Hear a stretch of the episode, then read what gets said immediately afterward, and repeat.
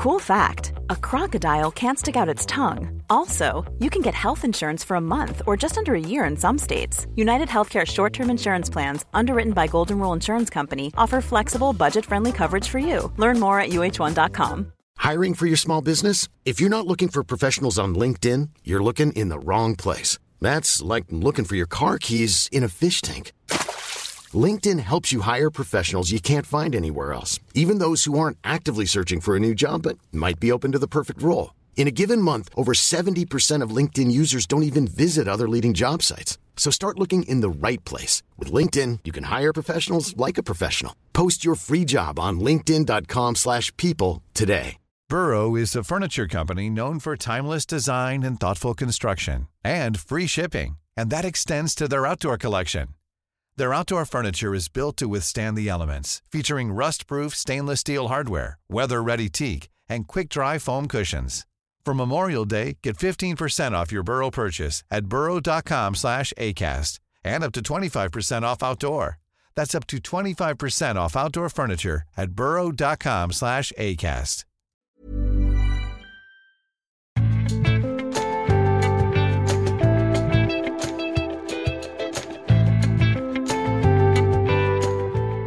Krigen om Israel gro i makta og oppgjør i pinsesekt. Dette er Tore og Tarjei.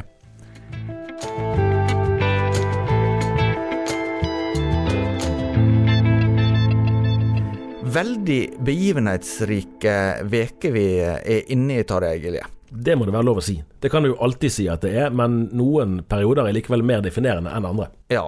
Eh, jeg husker, tror jeg kommer til å huske 7. oktober for livet. Eh, og eh, det var litt spesielt fordi vi var på vei til Italia da jeg fikk vite dette her skjedde. Ja. Eh, og, og det, det var Ja, det opptok tankene mine en god del der jeg var både i Firenze og Roma. Og Ja, sånne, man husker gjerne hvor man var når et eller annet skjedde, og dermed kan man tidfeste det. Ja. Så Ja, det og det, det eh, har vi vel ennå ikke. Jeg fikk faktisk i går eh, invitasjon fra den israelske ambassaden i Oslo, som er satt ut til pressefolk, om at de vil vise en del bildemateriale. Det var antagelig noe av det samme som VG sin redaktør, politiske redaktør Hannes Gartveit så i Jerusalem eller i Tel Aviv forrige uke, der de skal vise en del råmateriale fra det angrepet. Men det er vel sånn art at de ikke de kan ikke vise det til allmennheten. og vi kan ikke, Man får ikke lov å ta bilder av det, men man får se det. ja, noe av grunnen til det er jo at det, en da mener en vil gjøre Hamas en tjeneste. Ja, altså, En ting er jo at det er så sterkt at det er av en art at vi nok ikke hadde kommet til å publisere det vanligvis i avisen uansett. Men i tillegg ja, er det det at dette virker å være noe av strategien til Hamas. At man ønsker å spre frykt og gru, og da vil ikke Israel bidra i det. I det altså, arbeidet deres. da. Det er slått meg at denne her eh, konflikten, sånn, sånn som den har blussa opp nå, så har den gått inn i et helt annet leie enn det vi har opplevd i vår levetid. Ja, altså Det er jo et paradoks i at på den ene siden så er det veldig mye nå som er helt, som gjen, altså helt gjenkjennelig. Helt som vanlig at dette er eh, en konflikt som splitter befolkningen både i Norge og i, sikkert i mange andre land. At her er det veldig sterke synspunkter både for og imot. Eh, men så er det likevel noe her som, eh, som er nytt. da. Det er noe med dimensjonene, tror jeg. For det første, det er jo det, det dødeligste angrepet som Israel har opplevd på 50 år. Eh, og det er også eh, den dagen i historien etter andre verdenskrig det, det ble drept flest jøder. Ja. Og, og det vekker jo veldig sterke eh, ja, følelser og, og tanker, ikke minst for, for de som er helt tett på, men, men det har jo også noe sånn historisk ved seg som, som eh, fortsatt er i, i levende minner. Altså, jeg, jeg har jo foreldre som, var barn under andre verdenskrig. Ja, det, og der er noe talende i altså Den israelske ambassadøren til Norge var intervjuet i Morgenbladet i forrige uke, og, og han formulerte det ganske enkelt sånn at Hamas vil eksistere istedenfor Israel. Eh, og, og i, i, I få ord er jo det en ganske presis oppsummering av i hvert fall eh, den, den forståelsen av, av hva man står overfor. Og det, selv om det relativt sett har vært fredelige forhold i Israel mesteparten av altså ganske mange år nå, så er man egentlig veldig kort unna eh, det som ikke bare er ubehageligheter eller noe uro på gaten og demonstrasjoner, men som faktisk er livsfarlig. Og det vet de godt om. Eh, Og når du får sånne her eh, møter med virkeligheten som dette, så setter nok det veldig dype spor i en befolkning som allerede er godt kjent med, med det å føle seg uønsket og truet. Det er jo noe med, med tall som er vanskelig for oss eh, mennesker å ta inn over oss. Hvis du snakker om 1402 mennesker, så er iallfall det, siste tallet jeg har- sett oppdatert med antall omkomne, og så har du kanskje rundt 230 gisler i, i Gaza i tillegg, som, som en ikke eh, kan gjøre, gjøre greie for. Så er jo det kjempesvært. Men det forsvinner litt i skyggen nå likevel, fordi at eh, toppstallene som kommer ut av Gaza, er veldig mye større. Ja, og det der er jo et, eh, et veldig vanskelig Altså Det er veldig vanskelig å vurdere det både etisk og politisk. Eh, for du kan ikke sette opp et sånn én-til-én-forhold. Altså eh, Hamas tok livet av så mange i Israel, da kan Israel ta livet av like mange i, Gaza. Er Nei, det nei for, for det er en av de tingene som som er når en sier at svår svar, responsen til Israel er ikke proporsjonal. Så, så lurer jeg på hva ville være Ja, en ja, proporsjonal og det, det, er sånn, det syns jeg er litt rart, egentlig, at drevne uten Altså, ja, Jonas Gahr Støre, som var utenriksminister eh, i mange år, sant? eh, og nå Espen Barth Eide, som òg har vært utenriksminister før. Det, liksom, det virker som om man, man tyr nokså raskt da, til den nærheten. ja, det er uproporsjonalt. Ja, hva ville vært rimelig, da? Hva ville vært eh, et adekvat uh, svar når man opplever det der? Uh, og, det, og det må vi huske på. Sant? At både, vi kommer tilbake til andre verdenskrig og tenker på USA.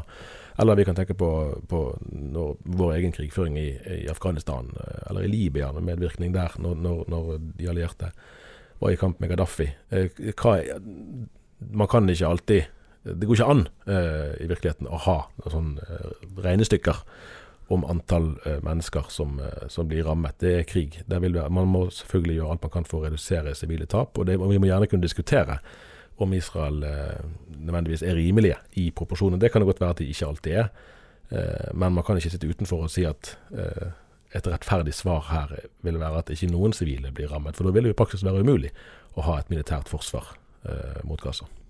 En kan jo nesten få inntrykk av at hvis Israel bare hadde åpna grensa til Gaza, så hadde dette problemet løst seg.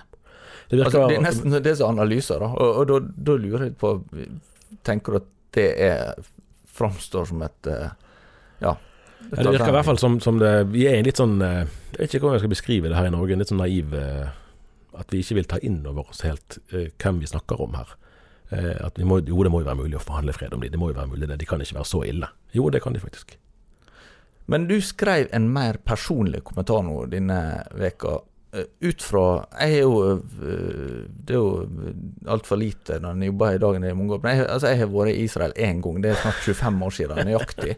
Eh, sånn at det er mye erfaring er det, ganske begrenset. Men du har vært der ganske mange ganger. Ja, det, det er sant. Det var en del år da vi reiste der veldig mye, både med familie og med studier og i menighetsregi og sånn. Så jeg tror det, jeg har ikke helt 16 eller 17, tror jeg det er blitt eh, til sammen. Ja, det er ikke så vanlig ikke vite hvor mange ganger han har vært i et land som ligger såpass langt. Nei, men det var, det var forskjellige, forskjellige grunner til det. Uh, en, en lang periode, det er sant det. Så man blir jo litt kjent. Uh, og- Men, men hva, hva opplever du sjøl med eh, det du Hva ser du nå?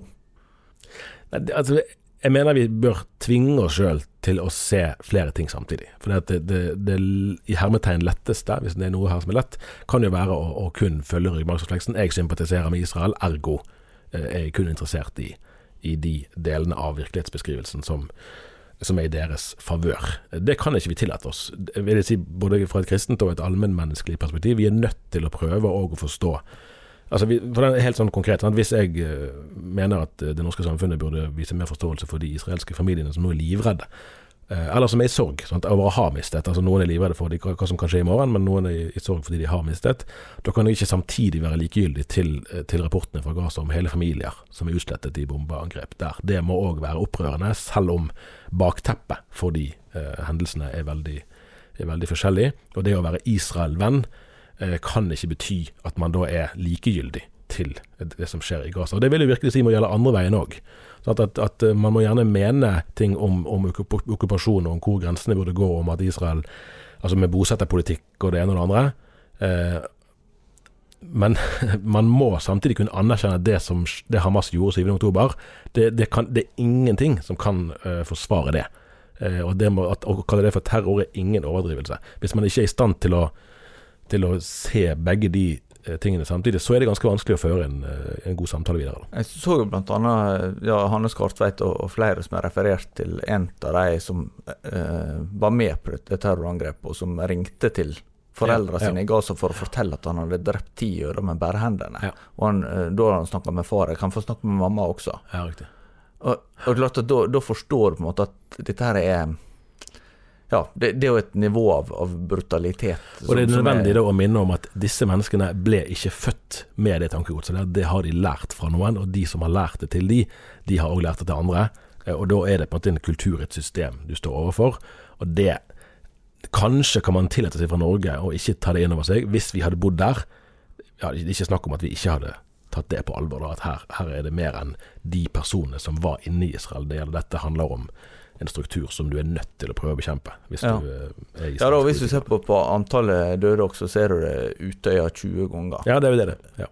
Uh, sånn at det, det, det, setter jo litt i, ja. litt i perspektiv. Um, en av de tingene som, som uh, har vært annerledes, syns jeg, da, denne gangen, det er at vi har sett en type demonstrasjoner og en type retorikk i Norge, og for så vidt i andre vestlige land, som jeg mener er ny. Det, det handler jo både om at denne konflikten nå er på en måte så alvorlig og har sånn omfang i antall eh, drepte og, og såra, sånn, men det handler også om en eh, eh, ja, nye stemmer og nye ytringer, vil jeg si, i debatten om Midtøsten, som gjør at vi fikk f.eks. denne her bekymringsmeldinga fra Det mosaiske trossamfunnet i Oslo. Så, så, jeg kan ikke, så vidt jeg forstår, så har jeg ikke kommet med noe lignende før. og så er det Jøder opplever seg ikke trygge i Norge. Vi har også et intervju med et norsk-israelsk ektepar som ikke vil snakke hebraisk ute blant folk lenger. Eh, men du har også en type Ja, det er snakk om nye stemmer, da. Gjerne med eh, Som ikke har kulturell bakgrunn fra Norge, men som er kanskje født der og er, er fullt ut norske men som, som eh, eh, ikke altså Som, som har mer for, en, for, en fortolkning av konflikten som vi er vant med å forbinde med andre land. Ja, ja det, det, er jo en, en del av, uh, av utvist. Vi så jo det helt konkret i, i denne her Det har blitt et litt sånn omtalt program, den debattensendingen som gikk skal vi se, jeg lurer på noe på tirsdagen altså like etter angrepet, sånn, der Marco El Safadi, som er kjent som idrettsprofil og som en sånn foredragsholder med appell til ungdom, der står fremst med, med, ganske Det var jo ganske voldsomme uttalelser med å sammenligne Russland og Ukraina med da, henholdsvis uh, Israel og palestinerne. Og, ja, og Hamas med gutta på skauen. Ja, altså, så det blir jo litt sånn uh, Man kan nesten ja, jeg vet ikke hva Kan vi ta det alvorlig? Altså, skal man skjelle den ut, eller hva skal man gjøre? Det, det får jo bli sin egen,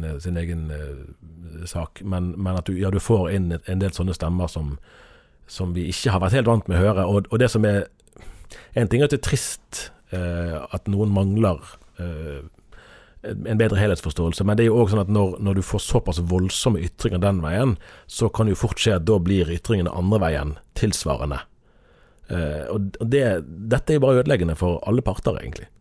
Uh, og, og, parter, altså de ulike tilhengerne blir liksom verste utgaven av seg sjøl, nesten.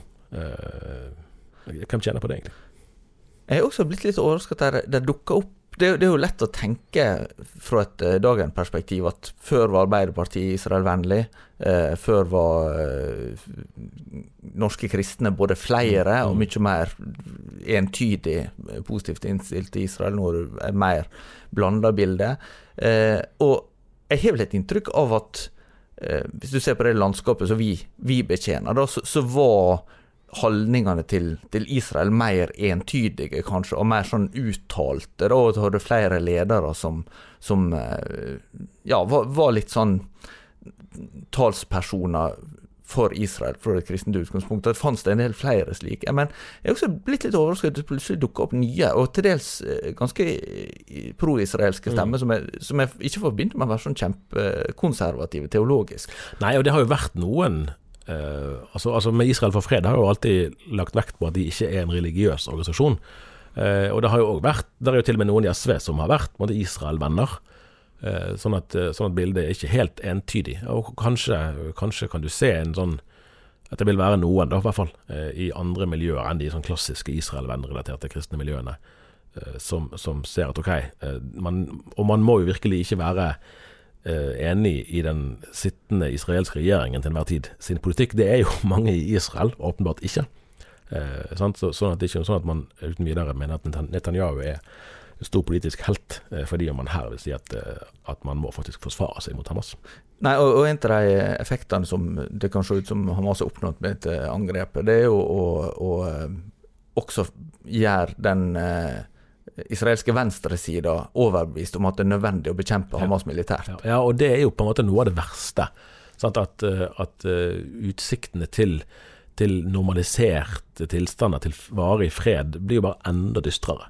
For hvem i all verden er det som ville våge å inngå fred med noen når du ser at en bevegelse som faktisk har ganske stor oppslutning i befolkningen, kan gjøre dette? Hvem, hvem er det som kan se sine barn i øynene og si at ja, du må bli venner med disse? Ja. Men hva nå, da? Nei, det har vi faktisk diskutert litt her. Eh, hva Det snakkes jo om en langvarig krig. Eh, hva betyr det? Eh, Israel har jo tidligere, altså, altså Jom Kippur-krigen 1973 som vi har snakket om, som det kom film om eh, nå i høst, der, der, var jo egentlig Israel klare for å gå lenger. Sant? Men det var særlig USA som, som bidro til at den ble avsluttet. Eh, og Det kan jo være at et eller annet sånt skjer eh, her òg. Så saken er jo at det vet vi virkelig ikke. Det sa ambassadøren òg i, i denne intervjuet med Hormland, at eh, regjeringen har nok mer enn nok med å planlegge for det som er altså i overskuelig fremtid. Hva som skal skje etterpå, det er det ingen som vet. Nå skal vi se litt bakover i neste segment, og vi skal holde oss innenfor landets grenser. Det er kommet en eh, Du har jo nevnt Arbeiderpartiet allerede. Eh, det har jeg for så vidt. Nå skal, men nå skal vi ikke se på Arbeiderpartiet sin utenrikspolitikk, Nei. men på sin, Arbeiderpartiet sin indre maktkamp. Og den kan være dramatisk nok. Det er kommet en, en TV-serie som sikkert mange av de som hører på, eh, kjenner til, som heter Makta. Og jeg må si at jeg følte sånn overraska over konseptet. Altså, er, er det noen interesse for dette, tenkte jeg. Mm. Men så begynte jeg å se det, og så tenkte jeg oi, dette, dette, her var veldig fascinerende. Og så var det en, en litt sånn gøy drama, for det er jo et veldig originalt eh, dramaturgisk grep. Det der at handlingen er fra 1970-årene, eh, samtidig som scenografien, altså operahuset i Oslo er der, osv., osv. Deichmanske bibliotek og det hele. Eh, der, der er elsparkesykler på gaten, samtidig som Gro anno 1974, Gro Harlem Brundtland, tidligere statsminister, går over gaten. Eh, og det som er greit med det, er jo at, at ingen kan tenke at det her er dokumentar. Sånn I, I, mange sånne andre, sånn som i The Crown og mange andre sånne semihistoriske serier, så lurer du på Oi, er dette historisk, er dette historisk? Her er det helt tydelig at ja, det er nok noe som er historisk, men det er virkelig ikke alt. Nei, dermed, det er fortolkning. Ja, ja og, og, det er gjerne òg en, en, en, et intendert karikering. Eh, sant? Og det, er måte, det ligger helt sånn Du kan se det for dine øyne. Ja, det, det vil jo si særlig tydelig med noen av de utgående maktskikkelsene i Arbeiderpartiet. Det der, sånn. For nå er det to episoder ja. som er kommet ut, eh, og det kommer vel seks, tror jeg. Eh, sånn at vi får jo se utover. Men inntrykket er jo akkurat det at det er på en måte Gro som, som skal være helten, og, og Trygve Bratteli og Reiulf Steen og, og, og Oddvar Nordli som er liksom Yesterday's News. Dette er jo litt sånn artig nå jeg prøver å forklare barna mine hjemme at Gro Harlem Brundtland er jo for meg det som Erna Solberg er for de. Og det er jo ganske talende. ja, men hun var enda mer historisk som Norges første sant, sant. statsminister, og en av de første Det var den første statsministeren i Europa. Kvinne. Altså, en hadde jo Vigdis Finnbogadottir på Island, men hun var president. Ja. Jo, det er vel kanskje riktig, det. For det jeg leste litt om Nei, Thatcher var før, naturligvis. Thatcher var, ble statsminister i 79, tror jeg. Riktig. Ja, like før, da. Men det Bro Gro ble 81 første gang. Ja, for det er jo en pionerfase, det må jeg kunne si. Ja. Men eh, en av de tingene som gjør at vi tar opp her, er jo at det, det er et verdiskille som blir tematisert mm. ganske tydelig. Mm. Gro Harlem Brundtland var det har ikke jeg tenkt på faktisk før. Nå hadde jo en far som var statsråd under mm. Einar Gerhardsen og var professor i Jeg vet ikke hva det var han var professor i, men i alle fall, og utdanna lege sjøl, også studert på Harvard i, i USA. Mm. Eh, og satt bl.a. I, eh, i abortnemnd. Ja. Eh, for fram til 1975 så var det jo eh, sånne nemnder som mm. avgjorde aborter. Så ble det da vel åpna for det en kalte abort på sosial indikasjon i 1975, og så ble det da eh, den abortloven vi har i dag, fra 1978. Eh, den trådte i kraft i 79, tror jeg. Eh, så så var dette ei virkelig kampsak for Gro Harlem Brundtland. Og en av de tingene som jeg syntes var særlig tankevekkende når jeg så på dette, det var at hun, hun kommer ut ganske frustrert fra en stortingsdebatt. Hun som spiller Gro Harlem Brundtland, er jo virkelig tatt opp i seg. Det er nesten så hvis du lukker øynene, så det nesten sånn at stemmen er helt lik. Ja, det er, er ganske fascinerende. Ja. ja. Men, men, hun kommer ut fra en debatt om abort i Stortinget og er veldig frustrert mm. uh, over på en måte at hun syns de bruker ikke gyldige argument osv. Men så sier hun også disse religionsgreiene. Mm. Trodde hun var ferdig med det. Ja, ja. Og det sier ganske mye, for, for dette foregår Hele serien foregår egentlig sånn gjennomgående, iallfall så langt jeg har sett, da, eh, sekulær virkelighetsforståelse. Og nå er jo dette nesten 50 år siden. Ja.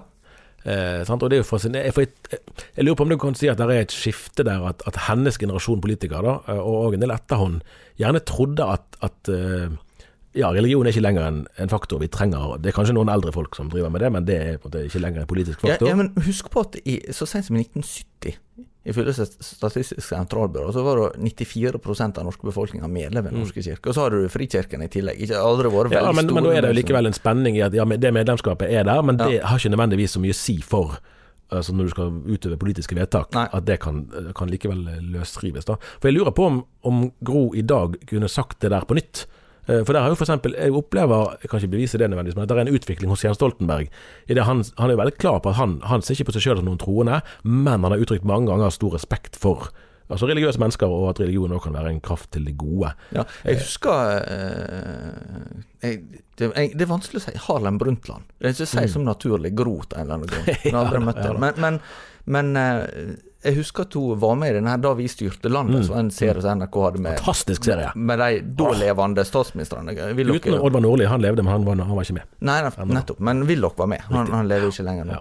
Eh, og, og da husker jeg at hun, hun fortalte om at hun har vært med Kjell Magne Bondevik, som var jo statsminister for KrF tidlig på 2000-tallet, eh, på et møte om eh, tro og politikk eller et eller annet sånt, for det var en tematikk som interesserte henne. Og så sa hun noe i retning av at nå er dette med religion blitt et mer mangehodet troll. og det var jo ikke akkurat et kompliment. Nei, det kan du godt si. Det kan du godt si. Ja, eh, akkurat. Nei, det er jo en interessant analyse i, i linjen fra da 1970, Ja. når det var sånn, her, den debatten angivelig fant sted, og frem til, til dette. da. Men er er det ellers ting som går på, på en sånn samfunnsbrytning? For det, det er jo det som igjen da er min analyse kanskje ut ifra forstår, en forståelse av 70-tallet er ganske viktig som et generasjonsskifte. Ja, da er det 68-erne på en måte virkelig trer inn i maktposisjoner, mm. og at du, du har et slags Altså, Abortlova tenker jeg er et veldig viktig signal da, om, om at den blir endra i det, det tiåret. Og så kommer det eh, mange andre kan jeg kalle det progressive lover, iallfall i retning til det som Arbeiderpartiet ønska av kulturelle endringer, men som, en, som ikke var mulig å få til eh, noen tiår før. Ja. ja da, det er nok et, eh, et sånn verdimessig skifte. Og så kan du òg si at vi at Reiulf Steen blir jo stående som en slags sånn eh, litt sånn puritansk eh, sosialdemokrat som står imot eh, Han kaller det vel for en sånn taktfaste marsj mot Høyre. Sant? Eh, Og for i dag vil jo, vil jo selv garvede sosialdemokrater eh, Torbjørn Jagland sa jo det ganske åpent i den da vi styrte landet-serien som du nevnte, at, at mye av den politikken som, som eh, ja, Willoch-regjeringen ble ansiktet ansikter for da i 80-årene og utover, var jo en modernisering som i hermetegn alle i dag skjønner at det der var på høy tid. Ja da, med med kringkastingsmonopol og, Og- lenger butikker, Ja, ja. At dette var på en måte et system som bare levde i kraft av seg sjøl, som egentlig ikke var tjenlig. Eh, og det er jo det du aner òg. Og der ble jo på en måte Gro sitt Arbeiderpartiet mer sånn pragmatisk, mindre kanskje ideologisk styrt. Eh, og Det er jo for så vidt en, en, en, en kamp og eh, noen ja, posisjoneringer som, som går helt inn i vår egen tid, men òg ser det jo tydelig. For det er, det er jo lett å trekke linjer. Én ting er det med delt lederskap, en som er statsminister, en som er partileder. Det har vel ikke vært spesielt vellykket verken da eller nå. Men òg at Arbeiderpartiet er et parti med betydelige indre rivninger. Det var ikke noe som kom med Trond Giske og Hadia Tajik og osv. Eller Jagland og Stoltenberg. Det har vært der veldig lenge. Da har vi fått med oss sjefredaktør Vebjørn Selbekk i studio, og bakgrunnen er at eh, Dagen publiserte en reportasjeserie nå i forrige uke som jeg tror vi må kunne si at vi aldri har publisert maken til før, nemlig om eh, Nardus i Kristiansand. Hvorfor har vi satsa så tungt på dette, vevet? Det er flere grunner til det. Altså, dette er jo en eh, bevegelse som er veldig særprega. Både når det gjelder eh, teologi og organisering og alt dette her. Eh, det er et, et veldig veldig spesielt religiøst samfunn, men som hele veien har gått under radaren i Kristen-Norge, til tross for at det, det er en viss størrelse på det. Det er en en type pinsebevegelse som, som har um, stor oppslutning utenfor landets grenser, men, men ikke i Norge. Så, så, det er en interessant størrelse sånn sett. Men det som jo òg gjør at vi har satt søkelyset både på denne måten, er jo de tingene som, som vi på en måte har, har avdekka. Alle de stemmene fra bevegelsen, kvinner, som står fram og forteller historier om hvordan bevegelsens eh, ledere, etter deres mening, har eh, misbrukt sin posisjon til å komme i kontakt med å ha intime relasjoner med, med flere kvinner eh, over mange år. Og dette er jo viktig å si at dette er ting som, som han sjøl benekter, og mener at mye av dette her er fabrikkert. Det er viktig å si av presseetiske årsaker også, selv om han også uh, i noen uh, tilfeller erkjenner å ha, å ha gått for langt. Så, så det store og hele så, så benekter han mye av dette. Med tanke på det teologiske, først ser du dette en, en bevegelse som avviser treenhetslæra. Eh, døpes i Jesu navn og ikke i Faderens og Sønnens og Helligens navn. Nettopp. Og, og blir av den grunn avvist som ei, ei kristen trosretning av de fleste, inkludert pinsebevegelsen. Så bare for å klargjort det. Og dermed så står de på en måte utafor det økumeniske fellesskapet også, og et mindre fellesskap. Men så må vi da spørre, hvorfor skal dagen bruke så mye ressurser på noe som, som er såpass perifert? Det handler jo om, tror jeg, at eh, vi eh, har en eh, kompetanse på religion og religiøse fenomener som vel knapt noe annet medium i Norge har. Denne saken, Det er veldig viktig å være klar denne saken med Nardus er det flere andre mediehus i Norge som også har, har lukta på, eh, vurdert. Eh, og av ulike grunner så har det ikke blitt noen ting. Men eh, vi har på en måte klart å sette inn i en, både en eh, kirkehistorisk og teologisk kontekst som gjør at eh, altså, Nettopp noe av det tror jeg det som gjør at denne serien blir så engasjerende også, og som gjør at jeg tror at det faktisk ikke er noe annet mediehus som kunne ha gjort det på en tilsvarende eh, måte. Nettopp fordi man, man ikke har den, den eh, religiøse kompetansen, den kompetansen på på kristenliv og religiøse sammenhenger som, eh, som det vi har. Og, og, når det gjelder på en måte eh, grunnlaget her, så handler jo det også om at eh, alle medier skal på en måte forsvare enkeltpersoner. Det er, står jo helt eh, klart. I starten av Varsom-plakaten så er det det presseetiske veiviseren for alle medier at man skal verne enkeltmennesker. Eh, og, og å gi enkeltmennesker en, eh, en stemme.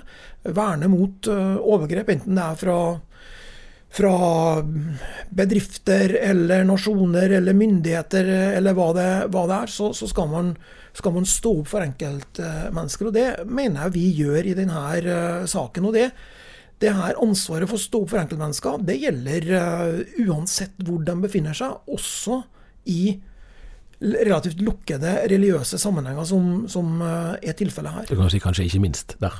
Ja, ikke minst der. Men så blir det jo også et menneske som blir stående igjen som den skyldige, gjerne, da, eller iallfall den som blir anklaga for noe. Og, og, Her velger han å, å svare og medvirke aktivt, og, og svart på eh, Ja, hatt lange intervju med vår eh, kollega eh, Anne Jeppestøl Engedal.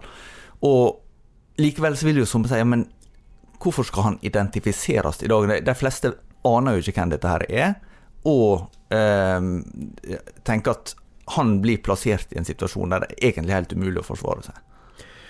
Ja, altså denne saken er, er full av eh, presseetiske eh, vurderinger. Uh, alvorlige presseetiske overveielser som vi har Eh, gjort hele veien, helt fra starten. Eh, og dette er ingenting som vi har tatt eh, enkelt på. Vi, vi er, eller tatt lett på. Vi er, vi er klar over at, at det her er en stor påkjenning for de menneskene som, som er en del av historien her, og, selvfølgelig ikke minst da Nardus-bevegelsens grunnlegger og fremste person, Torkild Terkelsen.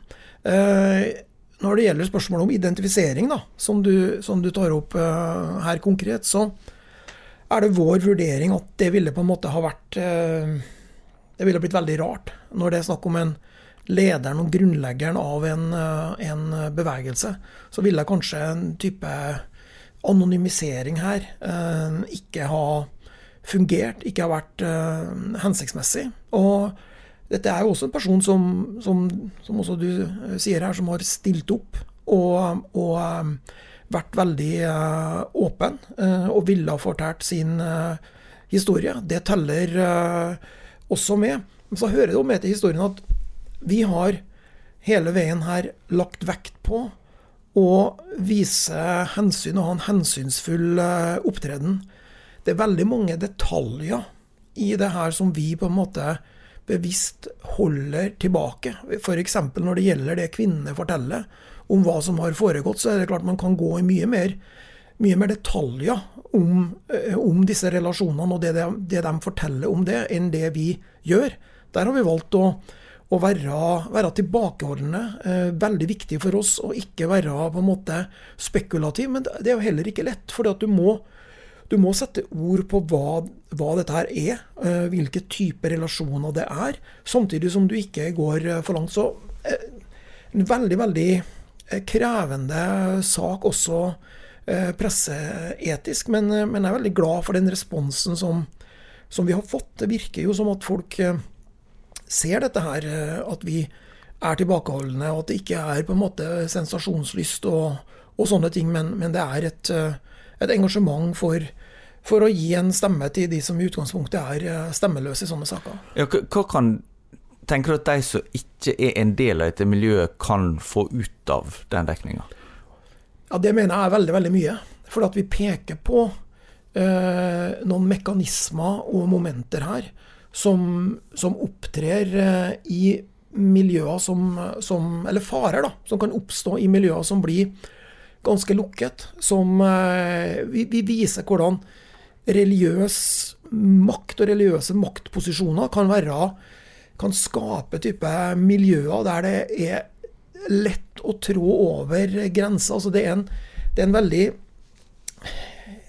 Den, den, den her miksen av religiøsitet, det å føle seg utvalgt Vi er de eneste som har denne uh, sannheten, og det er alle mot oss. Det skaper miljøer som kan være mer utsatt også for misbruk av, eh, av makt. og det, Derfor så handler dette mer om bare denne bevegelsen. Det er en, det er en type historie om, eh, om, og en type advarsel om, eh, om hvordan makt kan misbrukes. Det er jo en, en, en sånn interessant historisk linje her Hvis vi går tilbake til ja, slutten av 90-årene f.eks., da begynte det jo å bli en del offentlige omtaler om eh, predikanter. og Det kunne være bedehusforkynnere sant, sine overgrep eh, når de hadde vært på møteuker og, og hva det skulle være. Og, og, da var jo reaksjonen gjerne hos en del eh, at dette var vel ikke noe som hørte til i avisen, og i hvert fall ikke i en kristen avis. For her skadet man Guds rikes omdømme ved at disse, disse, historiene ble fortalt. Så gikk det jo 20 år, og så fikk vi metoo. Eh, og så eh, vil vi jo tenke annerledes om mye av det der eh, i dag. Eh, og så kan du si at eh, altså her er det jo for første gang, tror jeg det er riktig å si, at dagen sjøl løfter frem en historie på den måten som ikke er offentlig kjent eh, i noe vesentlig grad fra før. Uh, og der, der, denne avisen var jo altså Det er jo helt sånn litt nesten anekdotisk nå, sant? men tilbake til 80-90-årene så var det veldig, dagen var veldig restriktive med identifikasjon òg i straffesaker. Altså Arne Treholt er det mest kjente eksempelet, men òg Orderud-saken ble vel aldri Der ble aldri de, de dømte navngitt uh, mens saken pågikk. Men her òg er det jo et skifte, og her er det jo en helt ulik tradisjon f.eks. i USA, der sånne her type historier hadde kommet frem med fullt navn og bilde med en gang. Det var opplagt i mange, altså i kristne aviser der. De ville tenkt litt annerledes enn det vi gjør. Så dette er jo en, en sånn eh, bak, bak, selve saken her, så er det jo òg en utvikling, at, og, og, et annet syn på offentlighet, da. Eh, som, som vi godt kan, kan, reflektere over, og sikkert se både sterke og svake sider eh, ved. Summen vil jo kanskje si at eh, hvis det tidligere var mangel på kritisk dekning av eh, maktmisbruk i kristne miljø, så er kanskje nesten det motsatte. Iallfall en opplevelse Eh, en, av at det, religiøse miljø blir allment mistenkeliggjort, særlig hvis de er utafor eh, folkekirka sine rammer. Hvordan reflekterer du om det? Nei, men jeg, jeg tenker litt annerledes. Jeg, jeg, og litt tilbake til det som jeg, jeg snakka om med, med, den kompetansen som vi besitter. Da. Jeg tror at denne saken hadde blitt helt uh, annerledes hvis det var NRK eller VG eller noen av de andre mediehusene hadde, hadde laga denne eh, typen eh, serier. Eh, da tror jeg det hadde blitt på en måte litt uten den konteksten og uten den lærdommen da, som, som vi kan presentere sammen med det. og Derfor mener jo jeg at, at vi har et spesielt ansvar som dagen med den posisjonen vi har, med den kompetansen vi har og de, de ressursene vi har, så har vi et ansvar å spille en, eh, en rolle i, eh, i Kristen-Norge, også i denne typen saker. Men det skal gjøres på en, på en skikkelig og gjennomarbeidet og etisk forsvarlig måte. og det det tror jeg virkelig at vi har lyktes med i Nordus-saken, selv om det er veldig veldig krevende. Hva respons har det kommet? Det har kommet veldig veldig mye respons. Eh, og eh, ikke minst til, til, til journalisten Anne Jeppestøl Engedal, som, som får tilbakemeldinger. Og det er på en måte nye stemmer fra det samme miljøet, som nå tør for første gang å, å snakke ut og, og, og, fortelle om sine opplevelser og sine historier. Det gir, det gir frimodighet å, å vite at man ikke er alene. Eh, dette er mennesker som, som ofte har, har, tatt på seg skylda sjøl.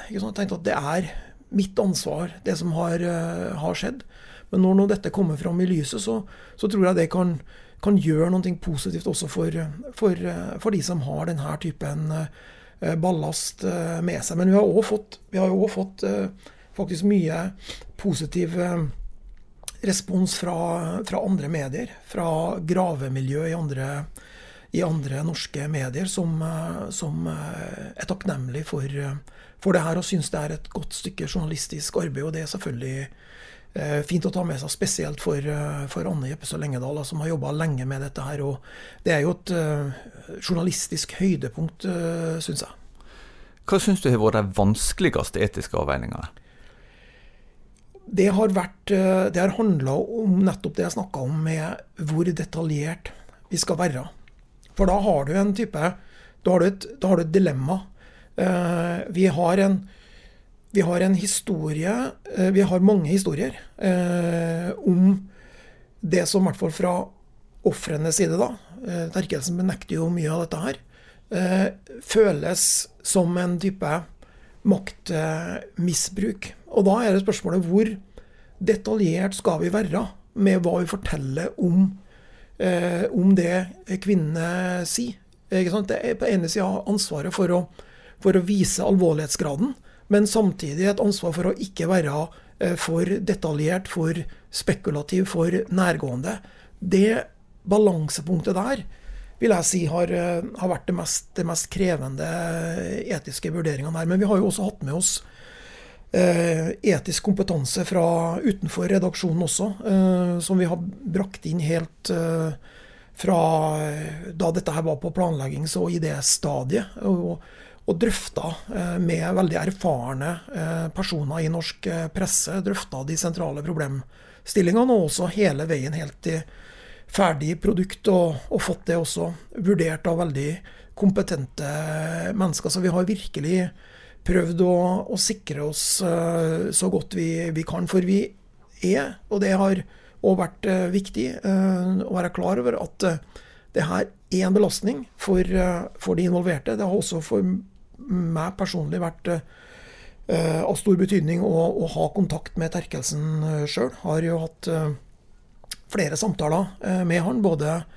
før publisering og nå etter publisering. Har også vært i, i, i kontakt med han. og, og skal på en måte vise at vi òg eh, selv om dette er eh, krevende og tungt, så, så er det viktig for oss, eh, og viktig for meg som sjefredaktør, å også ha en nær kontakt med de som på en måte rammes da, i, i gåseøyne, eller i direkte betydning, og rammes av vår journalistikk. Det er ikke noen ting vi tar lett på. Dette er ikke bare noe som vi bare hiver inn her, og så trekker vi oss ut, og så er alt som før.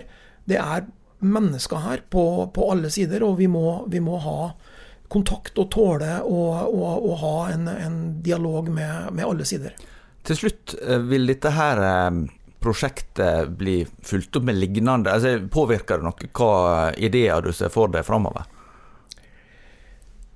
Ja, altså det er, jo, det er jo sånn at denne saken var veldig spesiell. Eh, Levende ord-podkasten eh, og den tematikken har jo vært et annet sånt eh, journalistisk eh, flaggskip for oss. Og jeg tror det er eh, det er på en måte veldig tilfredsstillende, men også veldig viktig da, å kunne vise at vi har denne typen eh, journalistisk kompetanse. At når vi bruker ressurser, tør å, å, satse på et bestemt felt, bruke tid, gå i dybden, så blir det faktisk denne typen resultater som betyr noe. For det er jo det er jo veldig, veldig sterke salgstall. Det har jo ikke vært noe inne på lesertall. Altså, dette er ting som har blitt mottatt av, av lesekretsen vår på en veldig positiv måte. En stor, stor interesse for det, slik som det også var for Levende Ord-saken. Så det frister jo til å, og, og, satse videre på gravende journalistikk. Og så tror jeg òg internt Nå sitter vi her og snakker her, vi, altså, men internt på huset her, når det gjelder på en måte selvfølelsen, stoltheten av å jobbe i dagen, så tror jeg sånne prosjekter betyr noe. Når, når det lykkes, det brukes ressurser, og så blir resultatet så godt, så ordentlig, det tror jeg, det tror jeg gjør noe for, for hele, hele huset vårt. Da sier vi takk til deg, Vebjørn Serbeik, for at du var med i dag. Og vi tar ei satser på å være tilbake i neste uke. Ja! Takk for i dag.